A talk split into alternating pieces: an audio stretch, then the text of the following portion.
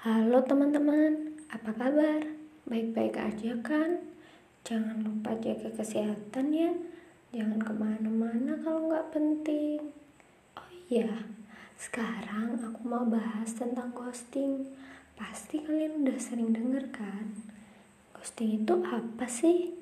Ghosting adalah sebuah situasi di mana seseorang atau pasangan menghilang dan memutuskan komunikasi secara tiba-tiba tanpa adanya penjelasan terlebih dahulu.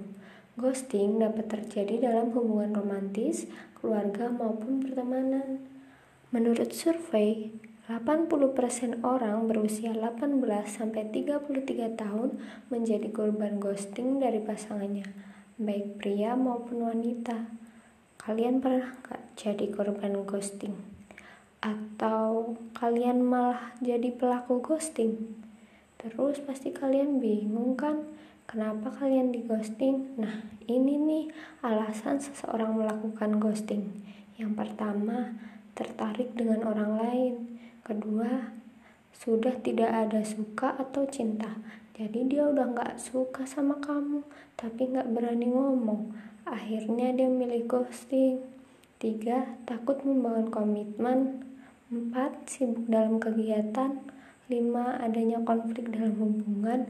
Nah, ini nih biasanya terjadi di hubungan yang udah berjalan lama. Terus tiap hari ada masalah, tiap hari berantem, masalah kecil digede-gedein. Akhirnya milih ghosting aja deh sengaja mempermainkan perasaan. Jadi dari awal dia nggak ada serius sama kamu, cuma buat main-main. Pas udah bosen, ya udah dia ditinggal. Terus ghosting tuh bahaya nggak sih? Nah ini nih, ghosting tentu saja sangat berbahaya karena dapat memberikan dampak negatif dan luka bagi korbannya. Luka di sini maksudnya luka hati ya. Saat merasa ditolak, tersebut akan mengancam harga diri dan kebermaknaan hidup, sehingga menimbulkan rasa sedih dan marah. Orang yang di ghosting pasti sedih dan marah sama pelaku ghosting itu.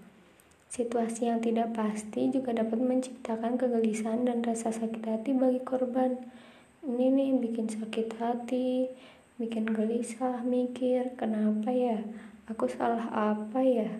Apa yang salah dari omonganku? Terus Rasa sedih dan sakit hati yang berkepanjangan juga dapat mempengaruhi pada depresi atau perilaku berbahaya loh. Jadi mereka yang di ghosting bisa aja depresi, kan kasihan.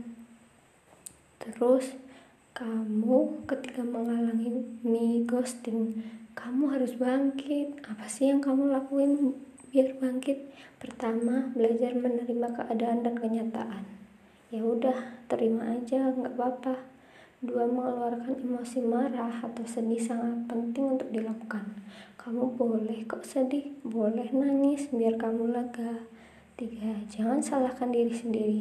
Yakini bahwa ghosting terjadi karena ada orang tersebut bukan yang terbaik untukmu.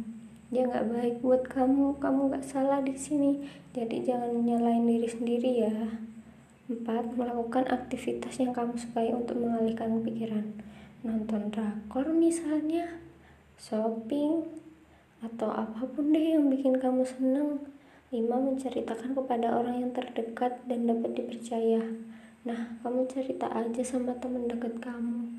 Tapi jangan sembarangan milih orang buat cerita ya, karena nggak semua orang bisa dipercaya.